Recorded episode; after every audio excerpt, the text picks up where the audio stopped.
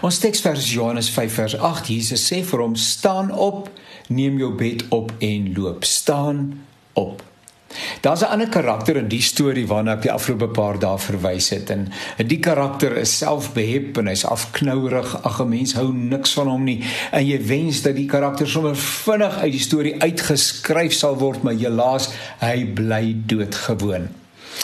Maar hy het 'n pa gehad en trouens het 'n pa wat hom van kleintyd af tot vir hom as volwassene verneder het.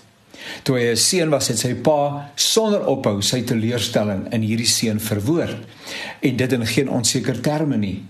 Hy het hom verklein neer en hy het hom absoluut te nagekom. Verbaal het hy hom te nagekom.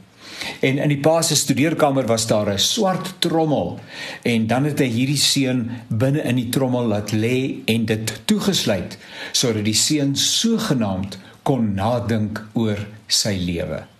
En dit is eintlik eers later wanneer hierdie gegevens rondom hierdie hierdie karakter waarvan jy niks hou nie op die oppervlak kom dat jy iets begin verstaan van sy optrede as volwassene.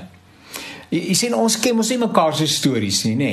En, en die bedoeling is sekerlik dat ons ons eie stories sal ontgroei.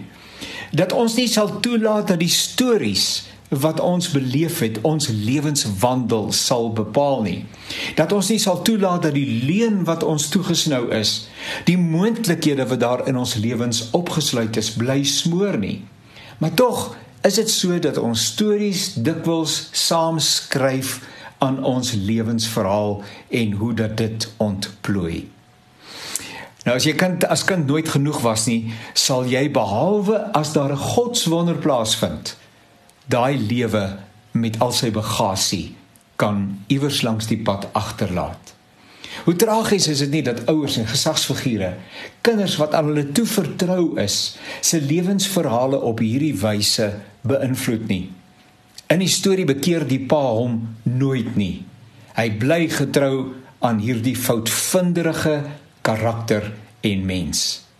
En dan op 'n dag, dan sleep hierdie seun wat nou 'n volwassene is, dan sleep hy 'n krat, waarskynlik dieselfde krat wat nou in sy eie studeerkamer 'n staanplek gevind het, sleep hy dit na buite.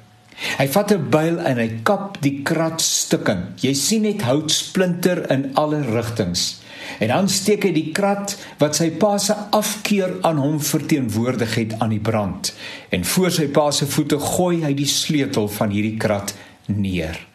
Nou, my bedoeling is nie om jou aan te moedig om disrespekvol teenoor ouers op te tree of wie ook al jou so te genade gekom het nie, maar 'n gesprek is waarskynlik nodig. Miskien is dit ook hulle lewensverhaal. Miskien ken hulle ook niks beter nie. Maar jy hoef nie langer jou lewe volgens daardie narratief in te rig nie, want jy het waarde. Jy's kosbaar, jy's uniek. En God het 'n plan met jou lewe. Breek met die storie wat jou vertel is en waarvoor jy weerloos gestaan het toe jy 'n kind was omdat jy nie 'n verwysingsraamwerk gehad het waarteen jy die waarheid kon agterkom nie. Die storie is 'n leuen.